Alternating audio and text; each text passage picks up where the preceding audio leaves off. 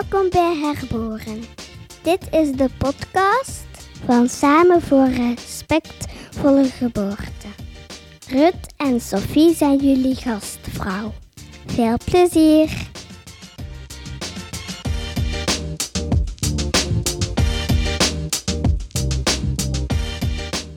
Ik ben Rut Snijers, ik ben vroedvrouw in het Leuvense Zorgcentrum naar Seksueel Geweld en een van de oprichters ook van Samen voor Respectvolle Geboorte. Die twee schattige stemmetjes aan het begin en het einde van onze podcast, dat zijn Marie en Nelson, dat zijn mijn kindjes.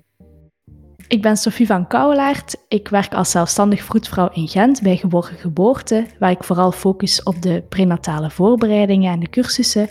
En daarnaast ook oprichter van Samen voor Respectvolle Geboorte.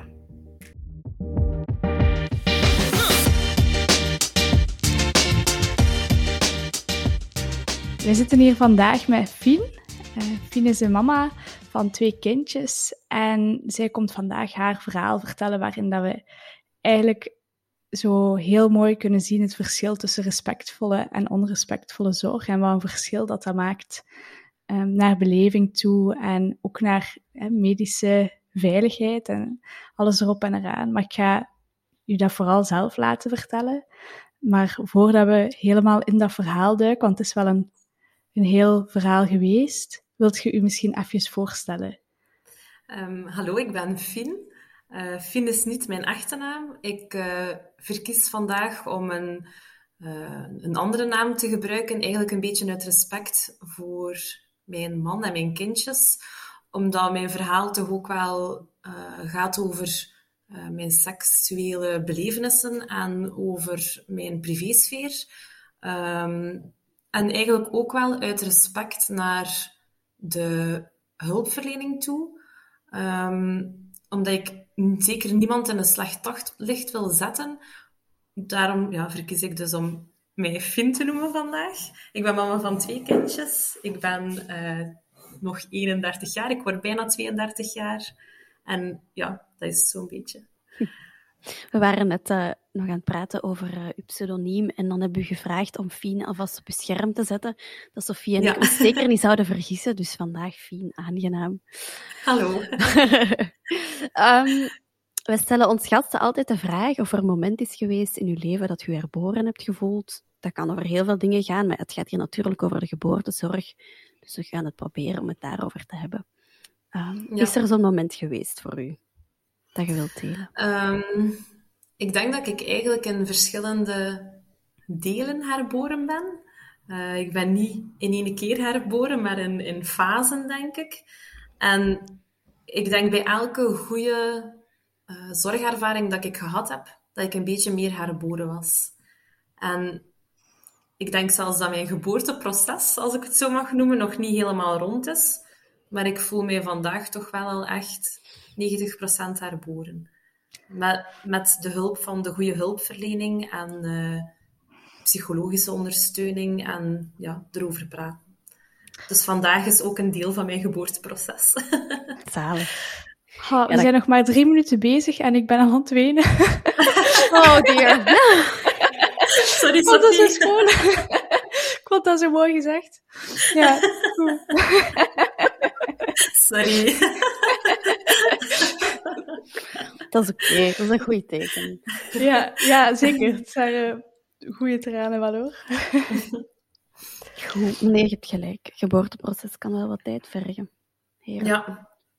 ja, en ik vind ook, um, ja, net zoals, zoals bij jullie, hè, bij de vroedvrouwenzorg uh, en, en bij iedereen dat bij een gewone geboorte komt kijken, um, geboren worden of, of iemand laten geboren worden, dat doet je niet alleen. Nee. Um, net zoals dat ze zeggen, it takes a village to raise a child, uh, denk ik dat je ook als mama dat team en die ondersteuning nodig hebt. Ja, absoluut. Alleen, ik zeg soms ook wel eens al grappend, we zijn hier niet alleen op de wereld. Hè. Hier zijn nog ik weet niet hoeveel mensen. Dat is toch wel met een doel. Ja. Als ze het allemaal alleen hadden gekund, dan... Uh... Ja, en dat is eigenlijk ook um, een van de grote redenen waarom dat ik... Allee, ik heb er heel hard voor getwijfeld om mijn verhaal te doen. Mm -hmm. um, en het is eigenlijk dankzij mijn fantastische psychologe die mij uh, toch dat laatste duwtje in de rug heeft gegeven. Um, om te zeggen van, doe dat maar. Je moogt, je moogt fier zijn op waar dat je nu staat. Um, dat ik ook heb ingezien dat het belangrijk is dat ik mijn verhaal doe. Want ik heb mij enorm, enorm eenzaam gevoeld en enorm um, zelfs abnormaal gevoeld eigenlijk. En ik doe mijn verhaal vandaag om, als er maar één iemand een beetje erkenning vindt, dan is voor mij um, ja, dat geslaagd. Ik zou echt niet willen dat er iemand hem ooit afvraagt van is dit oké of is het wel juist dat ik uh, opkom voor mijn eigen lichaam. Tuurlijk is dat juist. uh, dus daarom doe ik vandaag mijn verhaal. Goed. Wat mij betreft mocht je erin vliegen. Maar misschien wil Sophie eerst nog iets zeggen. Nee, ik ging ook vragen van waar start dat verhaal? Wat dat misschien al een moeilijke vraag is. Um, wel, mijn verhaal start eigenlijk, uh, denk ik, ja, op, op 3 september, de geboortedag van mijn zoontje. Um, ik had een, dus ik heb al een oudere dochter van vier. En die geboorte en dat, ja, de momenten daarna en eigenlijk totdat hij ja, een jaar was, dat was één grote roze wolk. En ik had natuurlijk bij mijn zoontje niet anders verwacht, want ik, ik kende ook niet anders. Um, ik was ook heel gerust in de geboortezorg uh, hier in de stad. Ik was heel gerust in mijn gynaecologe, dus ik stapte eigenlijk wel heel positief in um, het geboorteverhaal van mijn zoon. Um, en op 38 weken werd duidelijk dat ik ingeleid moest worden, omdat mijn uh, bloeddruk een beetje te hoog werd. Mijn hartslag was heel hoog en ja, ik had toch overal wel uh, klachten en last, dus ik werd ingeleid. En eigenlijk vanaf die inleiding voelde ik toch dat dat anders was. Maar allee, toe, een inleiding is ook anders. Um, mijn zoontje is dan uiteindelijk na 11 uur um, arbeid allee, of elf uur uh, weeën geboren. Uh, supersnelle geboorte. Ik heb tien minuutjes geperst en mijn zoontje was uh, op de wereld. Amai. En het enige waar dat ik echt voor gepleit heb, omdat ik dat bij mijn dochter niet gehad heb, is dat ik echt dat gouden uurtje wou. Ik wou dat mijn zoon um, een uur bloot op mij lag. Uh, ik wou hem proberen die eerste borstvoeding te geven. Um, en ja, ik denk dat mijn zoon een kwartiertje op mij lag, toen dat eigenlijk plots een beetje paniek uh, werd in de verloskamer. Um, mijn gynaecologe, ik had op dat eerste moment zo niet echt door, maar mijn gynaecologe die was wel echt, uh, ja, toch wel een beetje in paniek. Er kwamen plots nog wel vroedvrouwen bij. Um, en toen werd er eigenlijk snel aan mij verteld van, uh, er is veel bloedverlies, we gaan eens controleren van waar dat, dat komt. Maar ja, natuurlijk, je ligt daar met je pasgeboren baby op je buik. Um, je zit nog in die adrenaline rush mm. van die bevalling. Dat is eigenlijk op dat moment allemaal zo'n beetje, ja, toch wat over mij gegaan. Um, maar achteraf vertelde mijn man dus ook van, ja, dat was toch wel echt ernstig. Um, er is toen manueel uh, gevoeld of dat er nog een placenta-rest was. Dus... Uh, ja, als ik het plastisch mag uitdrukken, zat die gynaecoloog eigenlijk echt wel met heel haar hand te voelen um, inwendig of dat er nog een placentarest was. Dan is er met een echo gekeken. Um, uiteindelijk is die bloeding dan een beetje verminderd en dat verhaal was toen ook af. Uh, dus dat was heel heftig en kort, maar eigenlijk is daar daarna nooit meer iets over. Allee, daarna, ik bedoel die eerste dagen of uren in, uh, in het ziekenhuis, in de materniteit, is daar zo niet echt niet meer iets over gezegd van uh, wat dat er aan de hand was. Mm. Um, en toen, ja, ik voelde ook wel direct, als ik bevallen was, van dat, dat voelt hier anders aan. Um, ik, uh, ik voelde me... Sorry, mijn man uh, passeert net.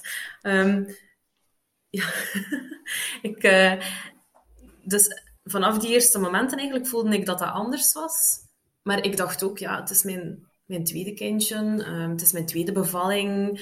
Ik, ik had ook al mijn dochtertje om af en toe eens op te heffen, dus ik wimpelde dat eigenlijk zo wel een beetje weg. Van ik heb wel pijn. Ik, ik had echt wel pijn vaginaal. Um, ik had ook meteen het gevoel alsof dat, um, hoe moet ik het zeggen, alsof dat, ik, dat er echt nog iets vaginaal zat, wat dat niet juist was. Ehm, achteraf werd dat dan omschreven als een balgevoel, maar dat gevoel had ik eigenlijk wel echt direct, alsof dat er precies een klein tennisbalken ehm, ja, in mijn vagina zat, dat, dat daar elk moment kon uitvallen. Ehm, en had je dat toen ook al benoemd naar de vroedvrouwen of de gynaecoloog in het ziekenhuis? Goh, ik denk dat ik toen wel had benoemd dat ik pijn had. Maar ja, natuurlijk, je bent net bevallen. Mhm. Dat werd eigenlijk allemaal zo'n beetje... Niet weggewimpeld, maar zo'n beetje afgeschoven op... Um, je hebt ook wel een hele ja, turbobevalling gehad. Um, je spieren zullen dan wel terug een beetje herstellen. Bij een tweede heeft dat iets meer tijd nodig. Um, ik denk, ik geloof ook niet dat ik op dat moment in het ziekenhuis eigenlijk nog uh, manueel onderzoek heb gehad of zo. Alleen dat er inwendig nog onderzoek geweest is. Um, Maar toen dat mijn zoontje ja, een drietal weken oud was, um, stond ik onder de douche. En ik denk, zoals veel pasbevallen vrouwen, uh, wat ik de situatie uh, wel een keer checken.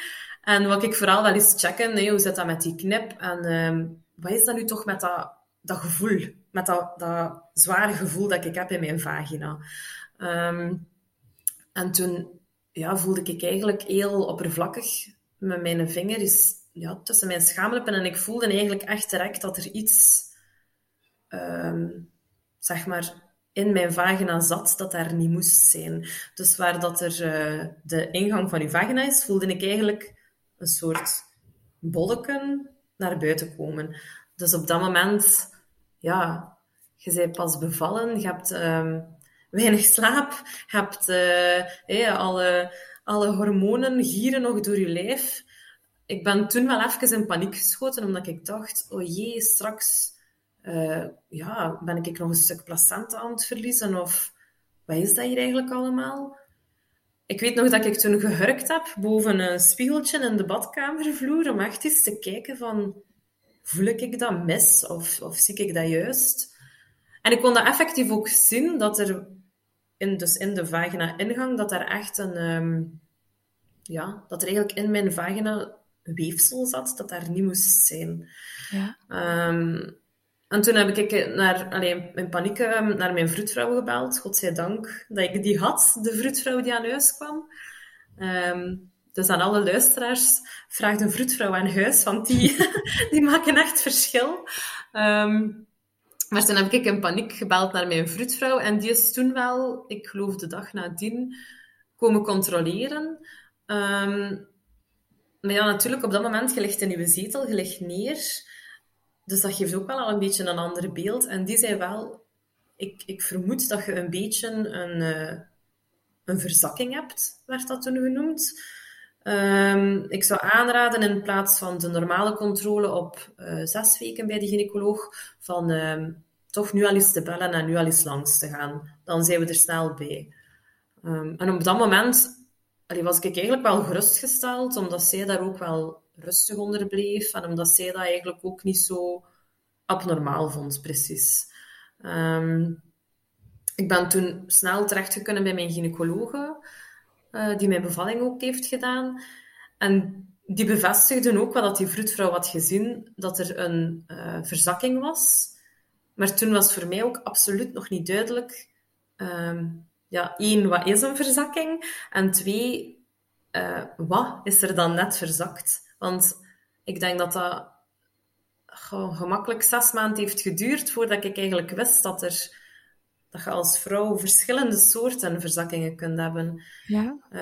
Um, ja, ik zal het misschien ook nu nog niet vertellen wat dat net was. Dan blijft de spanning er nog een. Zalig is goed. Dan, uh, dan beleven we het mee op je tempo.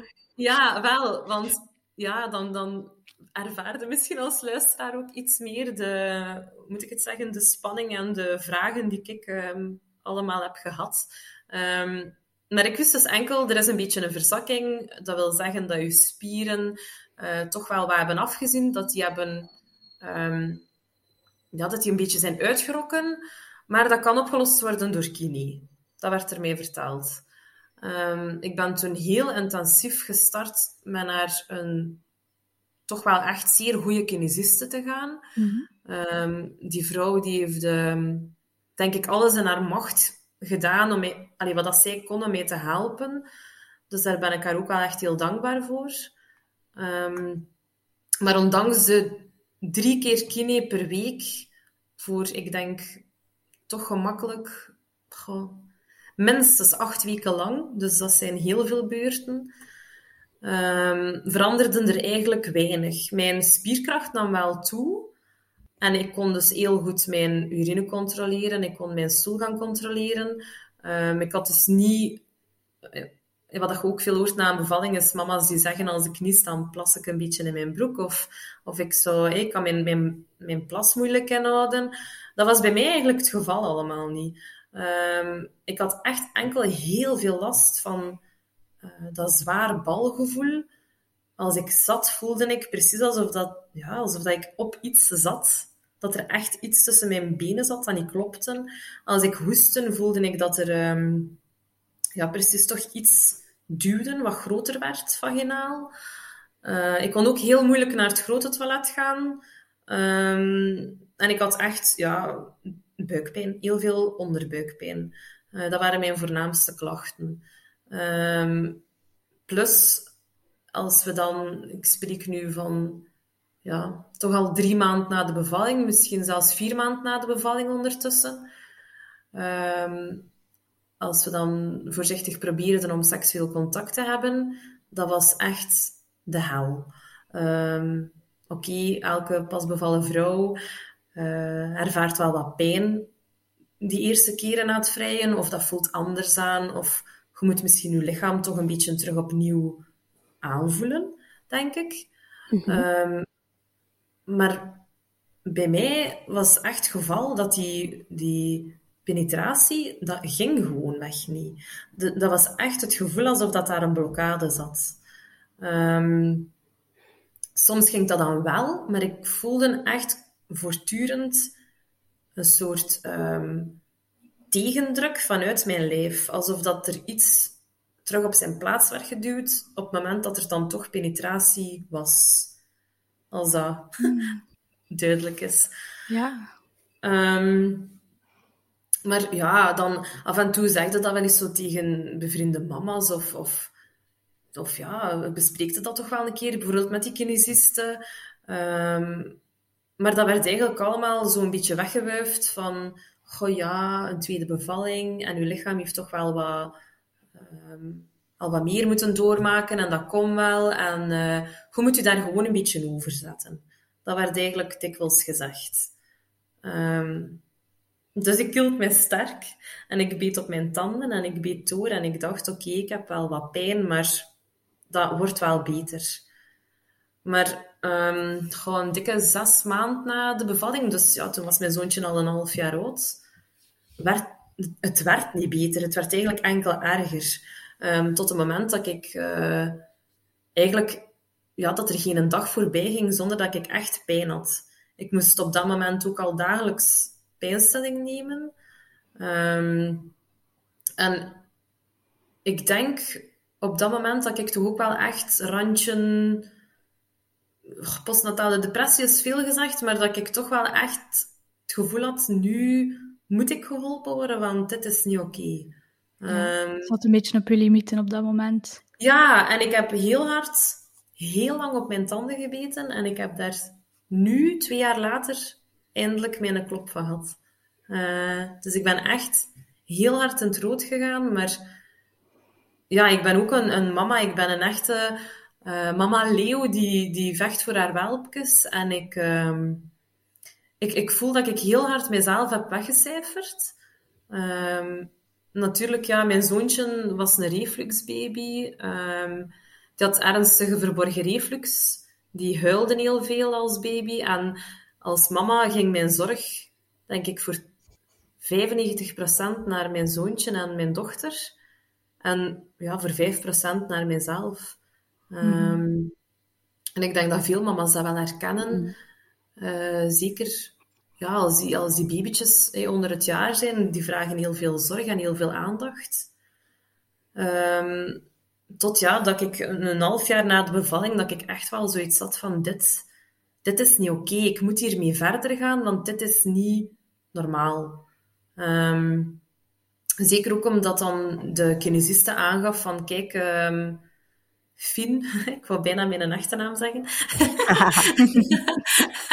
kijk, uh, hey, Fien, um, ik, kan u, ik kan u blijven helpen met uw spieren te versterken, maar eigenlijk zijn uw spieren sterk genoeg. Um, ik denk dat je toch eens verder moet gaan.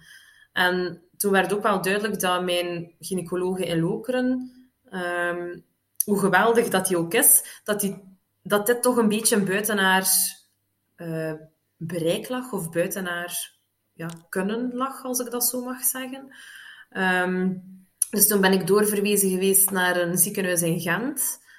Ik ga dat ook niet specifiek bij naam noemen, want dat hoeft voor mij ook niet. Nee. Um, maar dat was wel, dat is een ziekenhuis met een hele um, goede naam. En uh, ik was daar ook wel echt van overtuigd. Oké, okay, kijk, ik ga daar naartoe gaan en ik ga daar hulp krijgen. En misschien moet ik geopereerd worden en is mijn probleem opgelost.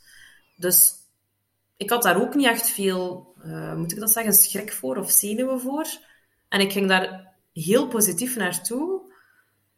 Maar dat is zo'n slechte ervaring geweest. Um, dus ja, ik, ik had een afspraak bij die gynaecologe. Um, ik had een verwijsbrief mee van mijn kinesiste. En die zei eigenlijk vrij direct... Um, ja, we gaan een keer kijken wat dat probleem is. Dus ja, je bent een, een pas bevallen, of een, een vrij vers bevallen mama. Je hebt sowieso wel al een beetje gêne, denk ik, over je lichaam. Um, ik had daar ook heel duidelijk verteld dat elke aanraking op dat moment echt al heel pijnlijk was. Omdat... Allee, achteraf is duidelijk geworden dat mijn lichaam eigenlijk in een soort van uh, overlevingsmodus gegaan is. En dat mijn spieren eigenlijk, um, moet ik dat zeggen, overprikkeld waren. Dus elke aanraking was ook wel echt extreem pijnlijk voor mij op dat hmm. moment. Um, ik weet niet of ik dat kan vergelijken, maar jullie vorig podcastseizoen in de aflevering met, um, ik geloof dat Marjolein was. Nee. Magali waarschijnlijk. Magali, ah, Magali sorry, ja. ja. Met Magali, um, um, een slachtoffer van seksueel misbruik, die maakte ook duidelijk dat ze aan al haar hulpverleners had verteld van kijk, elke aanraking is um, een trigger voor mij. Um, en ik wilde absoluut niet vergelijken, haar ervaring en mijn ervaring, maar dat was wel iets wat ik herkende elke aanraking was pijnlijk. Um, nu zelfs soms nog. Uh, als ik, goh, ik denk tot een maand geleden naar de gynaecoloog op controle moest, moest ik me echt schrap zetten elke keer zij daar aankwam. Of elke mm -hmm. keer dat ja, mijn man mij aanraakte, dat was te veel prikkels eigenlijk voor mijn, uh, ja, mijn spieren. Um, dus hoe was dat toen bij die eerste consultatie in Gent, toen dat zij dan dus ging ja, eigenlijk ging zij heel bruut te werk. Um, zij zei, ja, kijk, we gaan eens, uh, eens onderzoeken. En um, het eerste onderzoek gebeurde rechtstaand, dus dat is ook al allee, anders dan dat ik gewoon was. Um, voelde ze eigenlijk meteen, zonder aankondiging, inwendig maar vingers. Ik geloof zelfs direct twee vingers. Um, en dan zei ze wel, ja, ik voel toch een beetje een zakking, zei ze toen. Um, je moet eens op mijn tafel gaan liggen. En uh, ja, toen lag ik dus op de, de bewuste gynaecologentafel met mijn benen open en de beugels. Um, zij bracht ook onmiddellijk, zonder iets te zeggen, een speculum dus een, uh, een eendenbekken. Ja. wat dat verschrikkelijk pijnlijk was. Um, dat is al onaangenaam voor de meest ontspannen vagina, dus laat staan voor ja. een overprikkelde... Ja. Dat was echt, echt het gevoel van, ik word hier aangerand, ik, er wordt hier iets met mij gedaan wat ik niet wil. Um, die gaf ook geen uitleg. Um, zij, um, zij sprak eigenlijk ook niet tussendoor, maar ik dacht eigenlijk heel de tijd gewoon, kom aan, Fien, um, bijt op je tanden, uh, dat onderzoek is zo wel voorbij. En um, ja, ik, ik bleef eigenlijk heel positief aan mijzelf moeten spreken, omdat ik dacht, dit hoort er wel bij. Ja. Ik dacht ook, misschien moet die gynaecologe haar concentreren. Dus zeg maar niet dat dat pijn doet, want dat is normaal. En ik, ik durfde eigenlijk op dat moment ook niet echt opkomen voor mezelf. Ehm, ik heb denk ik toen wel gezegd van, het, is, het, is, niet aangenaam of doet pijn. Ehm, en dat werd toen eigenlijk ook wel echt zo gewoon een beetje afgeketst van, uh, ja, dat is niet aangenaam, zo'n onderzoek, maar het is bijna gedaan. Um, dus eigenlijk heel ja, kort en bruut. Toen werd er een uh, defacografie voorgeschreven. Dus een def defacografie is een onderzoek waarbij dat je in een MRI-tunnel moet. Mm -hmm. En voordat je in die MRI-tunnel gaat, spuiten ze twee zeer grote spuiten met een soort gel um, anaal in. Uh, dan doen ze een soort, ja, een soort, eigenlijk echt een pamper aan. En dan moet je op je rug in die, uh, in die MRI-tunnel gaan liggen. Dat onderzoek op zich had ik op voorhand echt heel veel zenuwen voor. En ik voelde mij daar heel... Um, moet ik het zeggen, een beetje gekleineerd door. Want ja, je bent mama van twee kinderen, je moet daar in een tunnel gaan liggen met een pamper aan. Dat voelde heel fout. Maar opnieuw had ik het gevoel, ik moet het gewoon ondergaan. Er is geen andere optie. Mm -hmm. dit, dit moet. Er is mij ook nooit gezegd geweest dat er andere opties waren. Dat ben ik eigenlijk pas een jaar later te weten gekomen.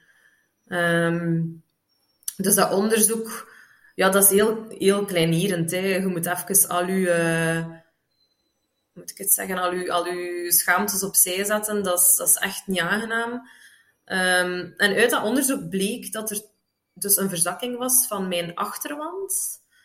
Um, dus uh, heel, moet ik het zeggen, heel, heel kort uitgelegd. Um, je hebt je vagina wand, dus je vagina kun je voorstellen als een soort uh, tunnel. En um, stel nu rechts van die tunnel liggen uw darmen en links van die tunnel ligt uw blaas. Dan is die tunnel die hecht aan aan uw baarmoeder, dus aan uw baarmoedermond. En bij mij is eigenlijk het uh, rechtse deel van die tunnel is afgescheurd waardoor dat mijn darmen een uitstolping konden maken um, in mijn vagina, dus in die tunnel eigenlijk. Ja. Dus mijn, um, die volledige wand was eigenlijk stuk, waardoor dat er natuurlijk, alleen zit daar wel nog weefsel tussen en zo, maar waardoor dat er echt een, een uitstolping was, een bocht. Um, dus eigenlijk was mijn gevoel van, er zit hier iets in mijn vagina wat dat er niet hoort te zitten, dat was compleet juist. Um, mijn blaas die was ook iets verzakt, dus die wand, die tunnelwand um, tussen mijn blaas en mijn vagina, die was een beetje verzwakt, maar niet ernstig. Maar op dat moment dat hij uh, mij dat mededeelde, gebruikte die ook hele medische termen. Dus die sprak meteen van een... Um, ik kan er nu niet meteen opkomen de medische term voor een uh, achterwandverzakking. Misschien kunnen jullie mij helpen, Ruud en Sophie. Ik zou het ook niet weten. Op zich. rectosuele, denk ik. Maar... Ja, een rectosuele voilà, en een Moest ik het horen, zou ik weten wat het ja. is, maar ik zou het ook niet zo kunnen zeggen. Um, dus eigenlijk werd dat direct benoemd. Uh, hey, je hebt een rectuszuile, een lichte cystuszuile, en uh, ik denk dat de sphinx er oké is. En op dat moment, ik hoorde dat ja, donderen en keulen. Ik dacht, uh, wat blief. Um, ze heeft mij dat toen, toen wel nog um, kort uitgelegd. Maar allee, dat verhaal, zoals ik dat jullie nu deed, van die, die achterwand en die, die tunnel, dat, dat ben ik eigenlijk deels zelf moeten gaan opzoeken. En dat heb ik achteraf ook pas gehoord. Um, dus voor mij was absoluut niet duidelijk, wat is er hier eigenlijk aan de hand uh, maar voor mij was ook het belangrijkste, ik wil gewoon geholpen worden en ik wil in de eerste plaats van mijn pijn af. Ja, een oplossing. Wil, ja. Want op dat moment zat ik dus ook nog altijd thuis van mijn werk. Ik uh, was thuisgezet door mijn gynaecologe die mijn bevalling heeft gedaan. Omdat die ook wel merkte, allee, ik kon thuis met moeite mijn kindjes opheffen. Ik kon thuis Ehm, geen boodschappen gaan doen zonder nadien een uur in de zetel te moeten recupereren van de pijn. Ehm, dat was echt wel heel duidelijk dat mijn lichaam in een heel sterke overlevingsmodus ging en dat mijn lichaam, ehm, hoe langer dat dat aansleept en hoe meer dat mijn lichaam eigenlijk in een soort van overprikkeling ging. Ehm, die pijn was in het begin beperkt tot mijn onderbuik, maar na een paar maanden werd dat eigenlijk volledig mijn buik, werd dat mijn onderrug, werd dat mijn lies, ehm, mijn schaamlippen, alles deed pijn. Als ik naar het toilet ging en ik, uh, ik kuste mijn poep af met wc-papier, zelfs dat deed pijn op het einde. Dus eigenlijk alles was te veel. Ehm, en toen werd er bij die gynaecologe in Gent eigenlijk heel kort gezegd, kijk mevrouw, ik kan u niet helpen zolang dat uw kindjes klein zijn. Um, ik kan u pas helpen als uw kindjes een jaar zijn, als die zelfstandig kunnen stappen, als je je kindjes niet meer zoveel moet tellen. En daarmee was de koos af. Um, en ik voelde ook dat die gynaecoloog eigenlijk heel snel wil afronden. En toen ben ik wel opgekomen voor mezelf. Um, en heb ik gezegd, ja, wat, wat, kan er dan in de tussentijd gedaan worden? Want ik heb wel echt heel veel pijn. Um, en toen stelde zij voor, kijk, ik kan een vaginale ring inbrengen die eigenlijk alles een beetje uh, op zijn plek houdt, die alles omhoog houdt, dat er geen verzakking kan plaatsvinden. Dus dat eigenlijk niks kan zakken um, naar beneden, dus vaginaal. Uh, dus alles gaat op zijn plaats blijven. Dat, ja, dat was voor mij de enigste optie op dat moment. Dus ik ben daar ook in toegestemd. Um, ik had ook niet echt door dat dat direct ging gebeuren, maar oké, goed. Um, dat ging zodanig snel. Ik denk dat gangs die consultatie kwartiertje geduurd heeft, misschien maximum 20 minuten. Amai. Dus dat is supersnel.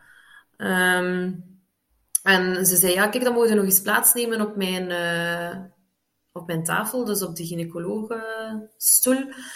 Um, en ik lag dus terug op die stoel en ze ging in haar kast. En ik ga dat beeld nooit vergeten. Um, zij nam uit haar kast een, een tas, van, een, een, een shoptas van de Ino.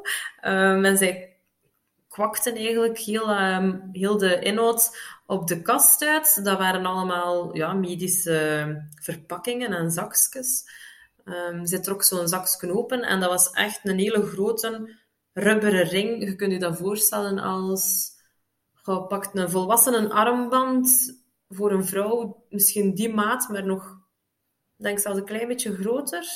Maar enorm hard materiaal, dus eigenlijk bijna niet buigbaar. Um, zij sprak toen tussendoor ook niet, terwijl dat zij dan aan het klaarnemen was. En zij zei gewoon, het moment dat ze eigenlijk al uh, plaats nam op de stoel tussen mijn benen, zei zij, je gaat eventjes een druk voelen, maar dat is normaal. En haar woorden waren nog niet kou, of uh, ja, ja, ram die ring daarin. Ik kan het eigenlijk niet beter verwoorden, maar dat was echt um, heel hard en heel bruut. Uh, dat zij die, ring probeerden te plaatsen. En toen heb ik echt wel gezegd, dit doet enorm veel pijn. Um, en toen zei ze, ja, ik ga nog eens voelen, dat is normaal dat dat eventjes pijn doet. Um, bijt nog even op je tanden, werd er gezegd. Um, maar ik voelde direct, dit is niet, dit is niet oké, okay, dat deed verschrikkelijk veel pijn. Um, en toen zei ze, oei, ik denk dat de ring een maatje te groot is, we gaan een andere proberen.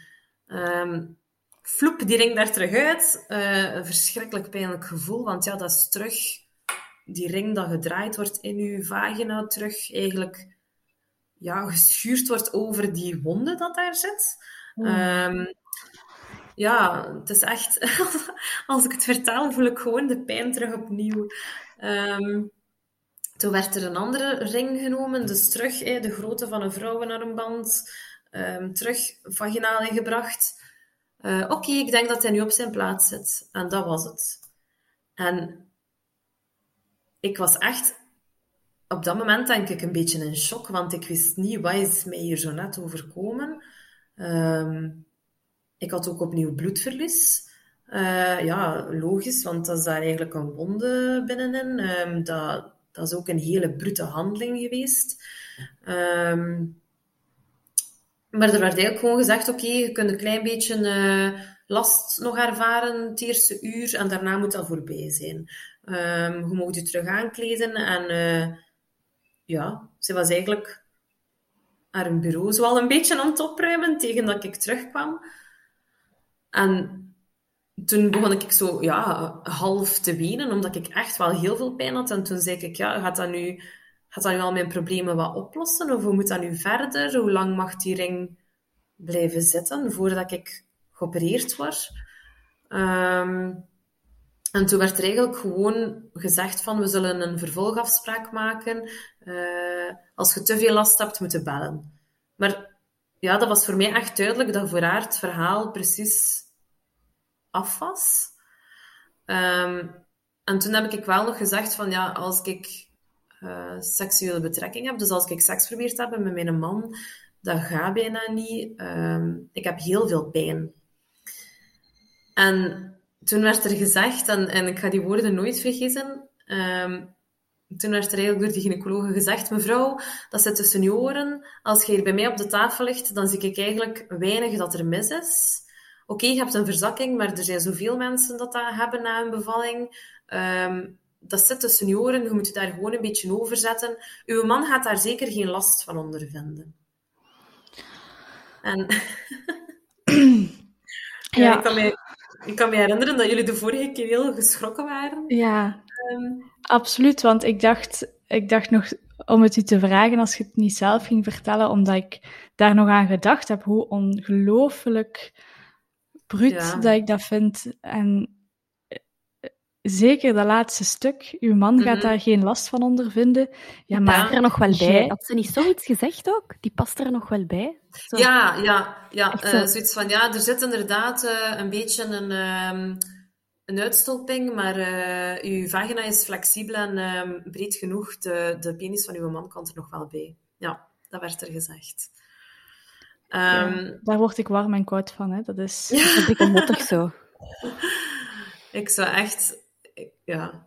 Ik, ik, als ik er nu aan terugdenk, dan denk ik, oh, vind je domme koe, waarom heb je dat gewoon laten zeggen? Maar op dat moment, je, je ondergaat dat, hè? Allee, je, je zit echt in een soort overleving. Ik was nog, nog in shock van die handelingen dat daarvoor gebeurd waren met die ring. Um, ik wou eigenlijk ook echt gewoon op dat moment zo snel mogelijk naar huis. Tuurlijk. Ik, ik was, ja, ik had het echt gehad.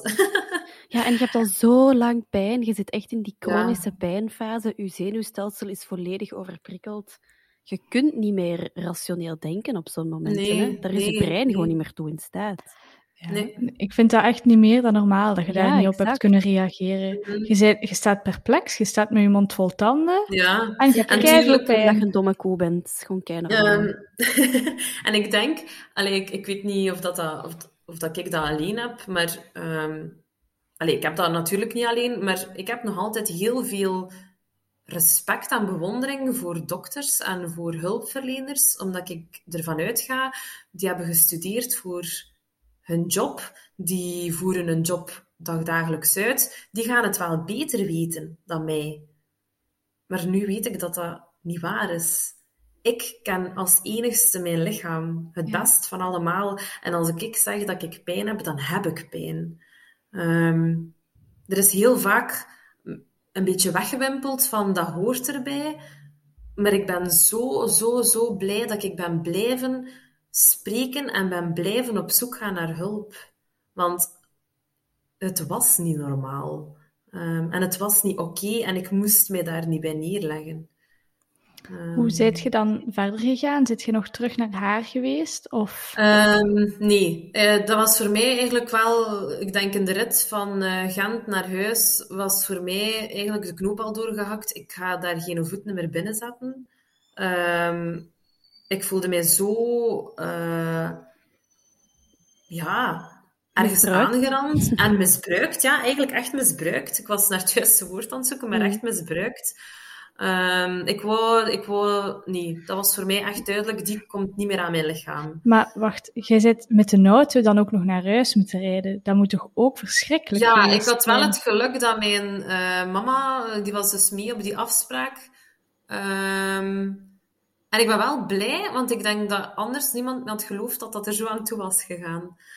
Ja, ergens dacht ik echt, was ik ervan overtuigd. ehm Finn, je bent een aansteller en je moet je er gewoon over zetten. Want dat werd mij eigenlijk gezegd, ja, door elke hulpverlener dat ik tegenkwam, werd eigenlijk een beetje gezegd van je- er maken zoveel vrouwen aan mee, zet u daar maar over.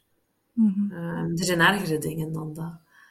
Maar ja, Eh, er zijn toen, altijd ehm, ergere dingen, maar dat is ja. een argument. Nee.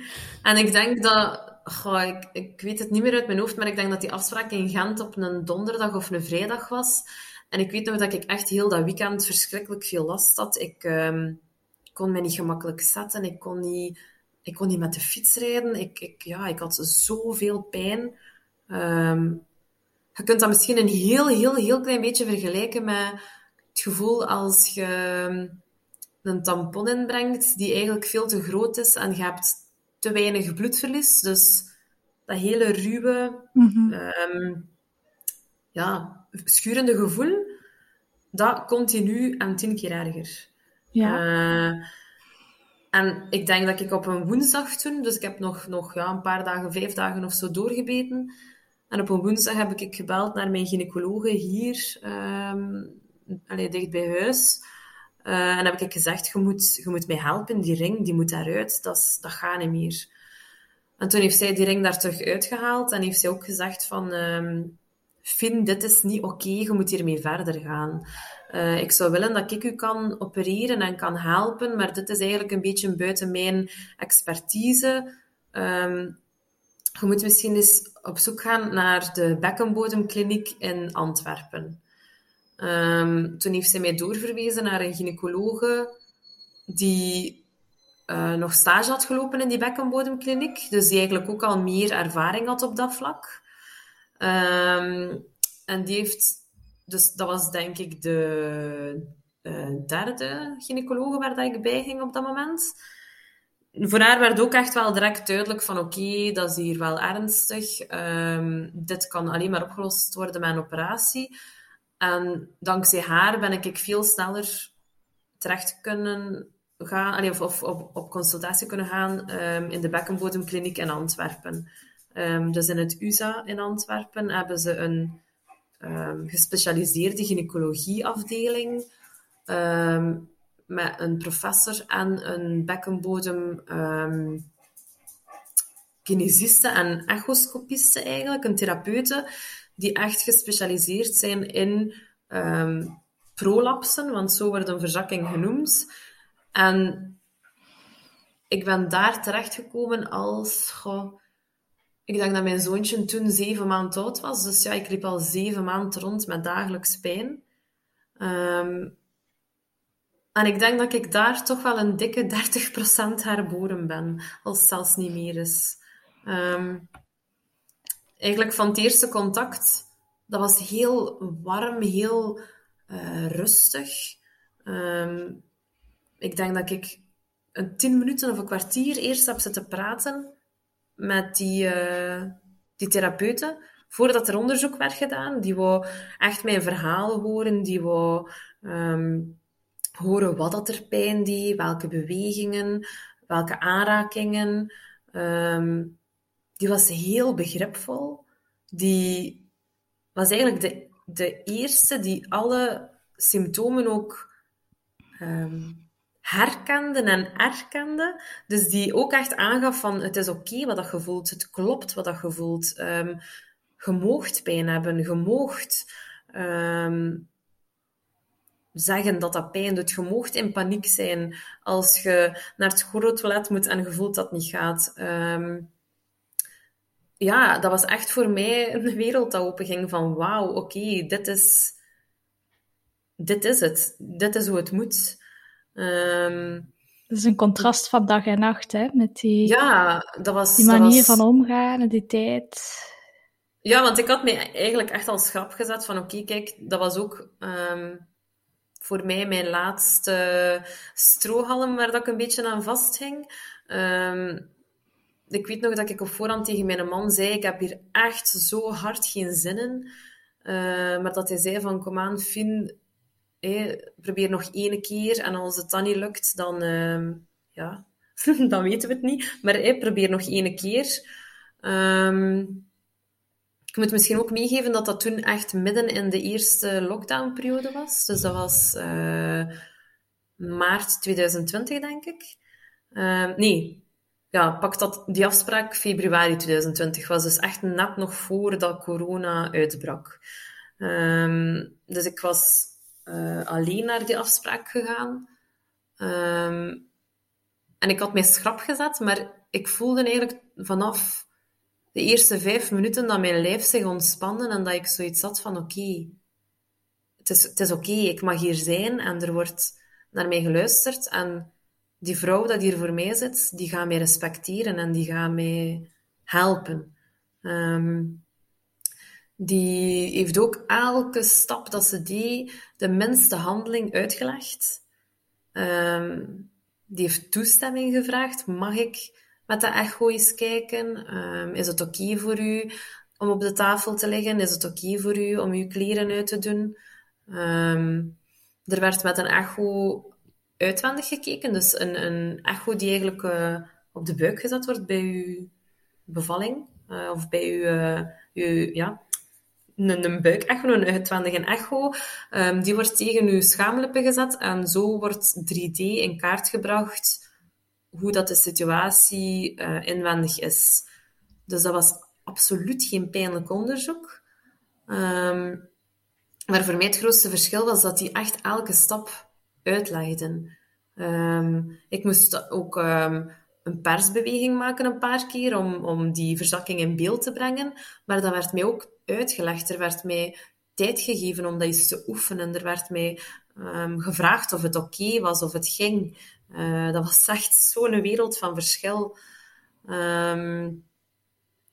En die zei ook wel direct van, kijk, je hebt een hele ernstige achterwandverzakking.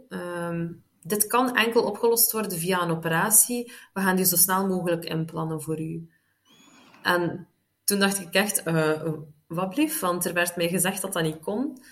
Ehm, toen werd de professor-gynaecoloog erbij gehaald en die zei ook direct van, allee, ehm, mevrouw, waarom heb jij daar zo lang mee rondgelopen? Waarom heeft er u niemand geholpen? Ehm, we gaan een operatie inplannen en je gaat oké zijn, je gaat een beetje moeten herstellen, maar wij gaan u helpen. Ehm, en ik weet nog dat ik buiten kwam en dat ik naar mijn man belde en dat ik ben beginnen wenen en dat ik heb gezegd, het is oké, ik ga geholpen worden. Er komt eindelijk een einde aan dit verhaal. Ehm, helaas stak corona daar toen nog een stokje voor, want normaal gezien stond mijn operatie in eh, maart, geloof ik, gepland. Dus dat was eigenlijk heel snel. Ehm, maar toen was, was er een operatiestop door corona. En ik denk dat mijn operatie in ehm, juni is doorgegaan, juni 2020. Oh my god, dat is echt nog lang hè, dan. Ja, ja, maar ik was wel echt een van de eerste die ehm, opnieuw geopereerd werd. Dus daar was ik wel blij voor. Maar ja, natuurlijk. Ik denk dat iedereen wel schrik heeft ervaren in die eerste coronaperiode. Plots mondmaskers, plots. ehm, ja, je bent toch wel een beetje op je hoede. En dan moet je naar een eh, ziekenhuis in Antwerpen dat je niet kent, helemaal alleen voor een operatie die toch wel ja, voor mij op dat moment heel veel betekende. Ehm, dus dat was toch wel, wel ja, dat was, dat was eng om dat alleen te doen. Ik voelde mij op dat moment wel heel alleen. Ehm, en pas op, ik snap dat dat, allee, dat, dat dat ook niet mocht door corona, maar dat is toch wel een deel van mijn ehm, trauma geweest, zeg maar, om daar helemaal alleen door te moeten gaan. Ehm, maar ik ben dus geopereerd geweest. Ze hebben een uh, achterwandherstel gedaan en een voorwandherstel. Dus eigenlijk um, rondom rond de tunnel van de vagina is er uh, twee keer um, gesneden geweest aan uh, die wand. Ze nemen daar dus eigenlijk een ruitvormig stuk uit en ze hechten alles terug aan elkaar. Dus dat zijn wel twee echt heel grote littekens dat ik heb, vaginaal. Um, maar dat herstel en die herstelperiode was, was heel zwaar en heel pijnlijk. Um, ik had dat echt wel wat onderschat. Maar het grote verschil was dat ik... Um, ik, ik, kon mailen met die therapeuten.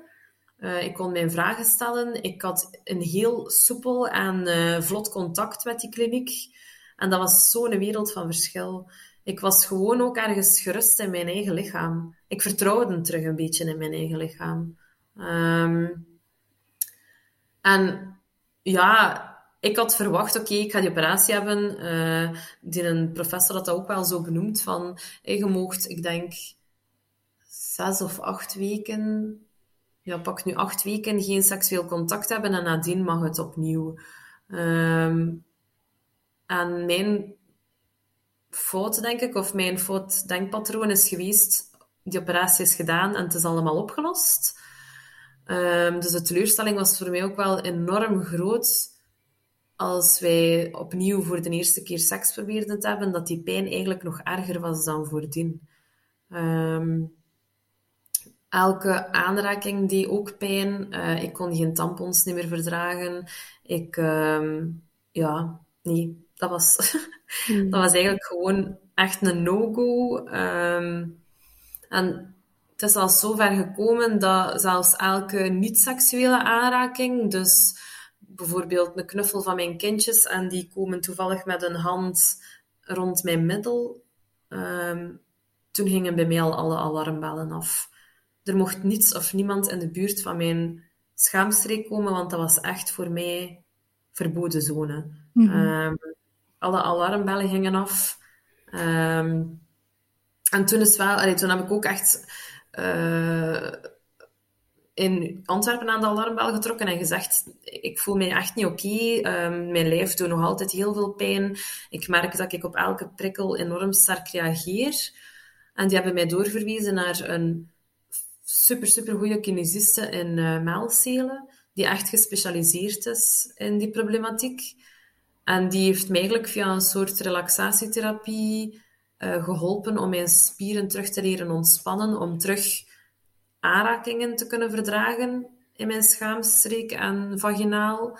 En die heeft mij enorm hard vooruit geholpen. Um, tot het moment dat er was dat ik bij haar op de behandeltafel lag. En um, tijdens de relaxatieoefening. En ik moest uh, mijn ogen sluiten en ik moest een paar keer heel diep in en uitademen. En ondertussen mijn spieren uh, aanspannen en ontspannen. En ik ben daar zo hard beginnen huilen. En ik denk dat ik tien minuten gehuild heb en ik kon gewoon niet stoppen. En zij zei van, het is oké, laat het maar gebeuren. Dus echt het trauma dat vastzat in uw bekkenbodem, dat loskomt. Um, blijkbaar is uw bekkenbodem een fantastisch vernuftig systeem dat um, ook een soort geheugen heeft, dat herinneringen kan opslaan. En ze zei, dat is echt normaal als we daar nu aan werken, dat daar zoveel loskomt. Um, en zij is eigenlijk de eerste dat gezegd heeft, ik zou er niet van verschieten, moest je, um, moest je ja, je klop nog eens krijgen, moest je nog een keer even uh, ja, het moeilijk krijgen, want het is eigenlijk pas nu dat je lichaam aan het herstellen is, dat je dat trauma toelaat en dat je um, die, die gevoelens daar rond toelaat. En ik heb jullie dat ook verteld, ik ben daar heel open over, maar ik heb uh, nu, twee jaar later, dus mijn zoontje is ondertussen twee jaar um, en bijna tien maand. Uh, dus een dikke twee jaar later heb ik um, echt wel een moeilijke periode gehad. Niet enkel daardoor, allee, er zijn wel nog dingen privé gebeurd dat de doorslag gegeven hebben, maar ik heb uh, toch wel een, een, een vrij ernstige depressie doorgemaakt. Ehm, en in de therapie met mijn psychologe is toen ook duidelijk geworden dat, dat dit ook echt wel een trauma was. Dat ik echt door een rouwproces ben gegaan. Ik heb um, mij zo lang geen vrouw gevoeld. Dat was echt een deel van mij dat niet meer van mij was. Um, ja, je wordt daar dagelijks mee geconfronteerd. Um, ik kon gewoon niet meer vertrouwen in mezelf op dat vlak. En je moet er ondertussen wel nog zijn hè, voor twee kleine wezentjes dat elke dag je aandacht vragen. En um, ja, ondertussen nog een keer uh, op zoek gaan naar de juiste medicatie voor mijn zoontje zijn reflux. Mijn, school, uh, mijn dochterke die begon op school. Het werk proberen hervatten. De goede vrouw zijn voor uw man. Uh, allee, er, er wordt zoveel van u verwacht. Maar ik heb er niet aan gedacht om ook voor mezelf te zorgen. Misschien enkel lichamelijk, dat wel. Maar ik was echt vergeten dat dat mentaal zo'n impact had op mij. Mm en dat is eigenlijk het grote, allee, het grote deel of de grote motivatie om, om mijn verhaal te doen, omdat ik mij heel, heel, heel lang heb afgevraagd: ben ik nu echt de enigste dat dat meemaakt? Ben ik nu echt de enigste dat daarom rouwt of dat daar um, pijn rond heeft of dat daar zoveel verdriet rond heeft? Um, maar eigenlijk door mijn verhaal te doen, ja, bij vriendinnen of een keer uh, op een besloten Facebookgroep, is mij duidelijk geworden dat er toch wel echt veel vrouwen zijn dat problemen hebben na de geboorte, die ja, een beetje onder de tafel worden geschoven. En dat is jammer. Ja, dat is, dat is schandalig. Mm. Ja. Allee, dat zou echt niet mogen. Nee. Ja, en je ziet ook zo mooi aan uw verhaal, vind ik, hoe dat respectvolle of onrespectvolle zorg, dat, is, mhm. dat gaat dan ook over veilige zorg. Hè? Dat, dat is ook medisch veilig, emotioneel, uh, fysiek. Dat, dat gaat over al die vlakken heen, over je relaties, over je zelfbeeld. Dat, dat zit niet in een bubbel. Hè? Dat, dat, Je, bent, je bent een mens en, en dat, dat beïnvloedt alle aspecten van wie dat je bent. Ja, en um, ik ben ook iemand dat, dat ik denk tot voor, ja, tot voor kort heel onzeker was. Um, ik denk dat mijn therapeuten mij daar heel hard in heeft helpen groeien. Maar um, ik, ik was heel onzeker en ik was heel, um, heel erg bezig met wat denken anderen van mij? Of wat, wat wordt er eigenlijk van mij verwacht? En doordat er door de hulpverlening, dus door zowel die gynaecologen in Gent als door toch wel andere hulpverleners, werd gezegd van um, trek het u niet zo hard aan, het is oké, okay, houd u sterk, uh, het zit tussen je oren. Ik geloofde dat ook echt. Ik geloofde ook echt, het ligt aan mij. Ik ben het probleem, want het zit tussen mijn oren. Ik moet mij er maar over zetten en ik ben geen goede vrouw voor mijn man, want ik kan hem geen, geen seks geven. Ik, um, ja, dat was, dat was heel moeilijk voor ons, ons, ons huwelijk ook. Hè. Ge, allez, um, er werd dan dikwijls gezegd, oei, dat is niet gemakkelijk voor uw man, maar dat was ook niet gemakkelijk voor mij. Ik ben ook een vrouw met oh. verlangens en gevoelens. En, We zitten hier allebei over die... Ja, ons te frustreren over de opmerking van dat moet niet gemakkelijk zijn voor uw man. Van nee, dat is waar, hè. Dat, dat is ook zo. Maar als nee, je, alsjeblieft. Ja, er werd zelfs, um, er werd zelfs gezegd door uh, iemand in mijn dichte omgeving van... Uh, um, Goh, amai, moest dat bij mij voorvallen. Ik denk dat mijn vriend al lang zo weg zijn. En op dat moment gaat het daar zo niet echt op in, maar dan denkt je, ja, um, het is niet dat ik hier zelf voor gekozen heb, of dat mijn man hier zelf voor gekozen heeft. Um, nee. op dat vlak, um, dat heeft ons heel veel sterker gemaakt. we hebben geleerd om te communiceren over onze gevoelens en verlangens. En ik denk dat wij tien keer verder staan misschien dan het gemiddelde koppel op dat vlak. Dus ergens ben ik ook wel dankbaar dat ik dat heb meegemaakt, want nu... allee, ik denk dat wij echt wel een heel sterk koppel zijn. Gewoon omdat wij alle twee hebben gevochten voor wat dat wij willen en wat dat wij vonden dat goed was. Of dat moest gebeuren. Ehm, maar ik kan me voorstellen dat er vrouwen zijn of koppels zijn die, die dat niet doen of die dat niet kunnen. Ik denk als, als, ja, als je als mama in een postnatale depressie terechtkomt en dan maakt er nog zoiets mee, dat dat wel echt eh, de druppel kan zijn. Ja, maar het is zo mooi dat dat, dat voor jullie wel sterker heeft gemaakt en dat je daar zo goed bent uitgekomen. Want dat is inderdaad ja, geen evidentie. Ehm, Nee, ehm, en ik zeg het, ik ben enorm dankbaar voor ehm, mijn vangnet rond mij, noem ik dat, mijn team. Maar ik heb daar wel zelf echt voor moeten knokken. Ik heb mijn team zelf moeten samenstellen en ik heb zelf moeten zeggen, en nu moet ik hulp krijgen en nu moet ik geholpen worden. Er moet naar mij geluisterd worden. Ehm, en ik ben heel blij dat ik dat heb gedaan en dat, ja, ik hoop dat ik daardoor toch iemand de kracht kan geven om ook uh, eindelijk te spreken of te zeggen: uh, Ik klop hier eens op tafel, je moet luisteren naar mij. Ja, tuurlijk. Ja, ja dat ik, denk um, ik ook. ik onthoud vooral ook uitgene wat je hebt gezegd. Ik als persoon ben expert over mezelf. En ik denk dat mm -hmm. dat, dat stukje, ja, dat we dat echt veel te vaak vergeten zo. Dat als, als ja. jij als persoon voelt, ik heb hulp nodig, ja, dan is dat gewoon zo. Dat is niks dat, mm -hmm. dat een ander voor Ja, want ik ging er ook altijd vanuit... Um... Ja, sorry, ik onderbrak u, Ruud. Nee, nee, dat is klaar. um, ik ging er ook altijd vanuit... Um, hey, van de, de gynaecoloog gaat het wel beter weten, mm -hmm. of de hulpverleners gaan het wel beter weten dan mij, maar uiteindelijk ja, nee. Ik denk dat ik echt nu wel anders sta. Allee, pas op, ik heb nog altijd enorm veel respect voor alle hulpverleners. En um, chapeau, uh, ieder zijn een job en ieder zijn um, vakgebied.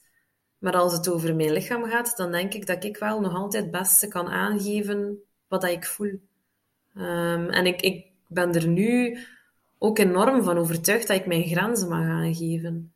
Um, dat is ook een van de redenen waarvoor, of waardoor dat ik um, na eigenlijk ook te lang eindelijk bij de huisarts heb kunnen zeggen, het gaat eigenlijk echt niet zo goed met mij. Ik heb, ik heb het moeilijk en ik, ik moet even stoppen met werken, want het gaat niet meer.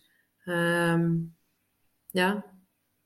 En ja, dat, is, dat heb ik nu ook wel echt geleerd bij de therapeuten, dat dat, dat, dat er mag zijn en dat dat geen schande is en dat... Um, ja, dat dat geen taboe is. Net zoals dat een, een seksleven dat niet goed draait, of een, uh, een, een vagina dat niet direct herstelt na de bevalling, of een mama-lijf dat niet direct terug uh, in de smalste maatjes kan. Dat is, um, allee, er wordt zoveel van ons verwacht als vrouw na de bevalling, maar elk proces en elke manier van herstel is oké. Okay. Zolang dat jij er oké okay mee bent. Absoluut.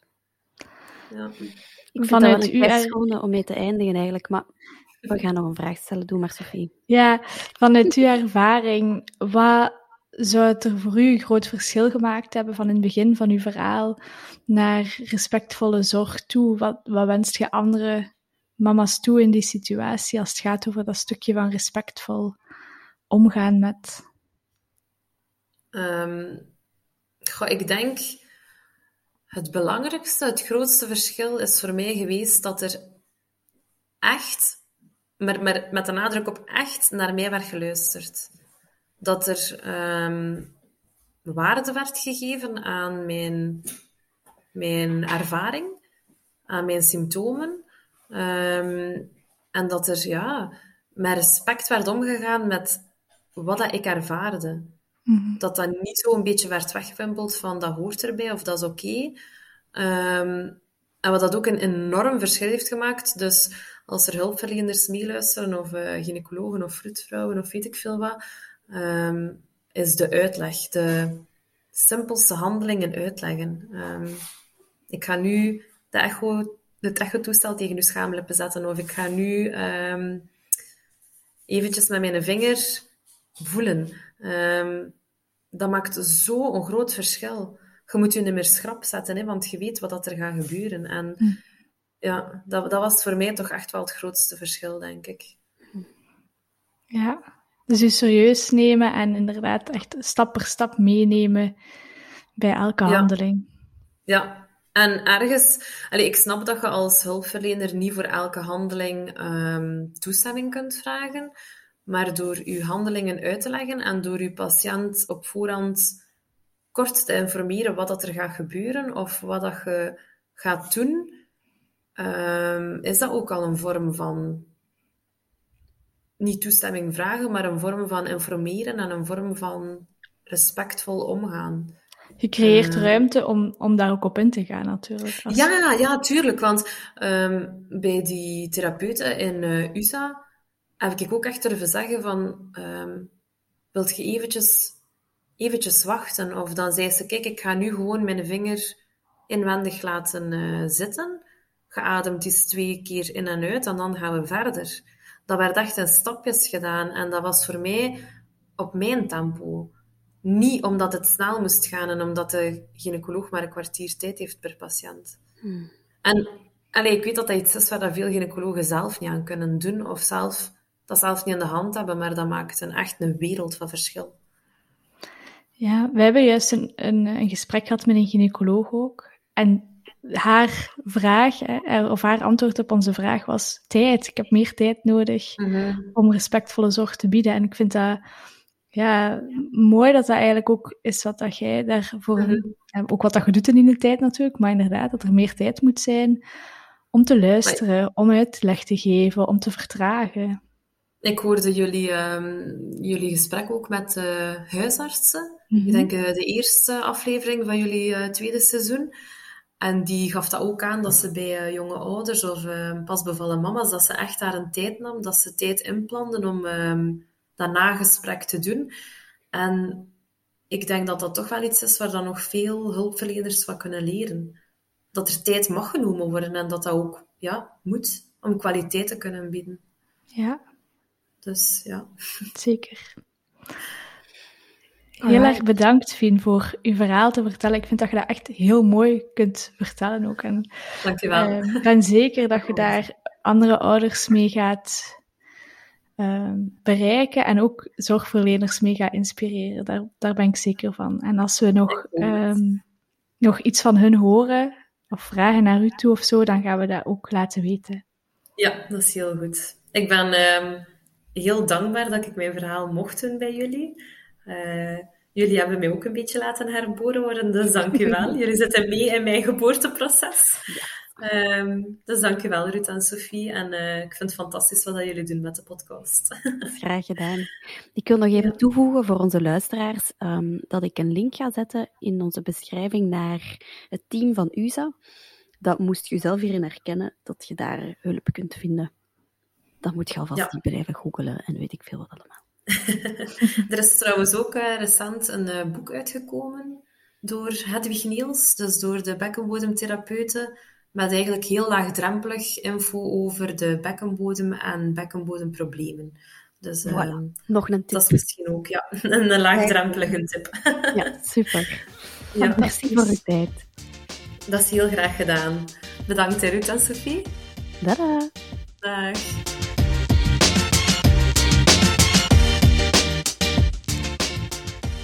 De aflevering zit er weer op. We kijken er naar uit om van jullie te horen. Je kan ons ook ondersteunen door een review achter te laten of door een centje te storten op onderstaand rekeningnummer.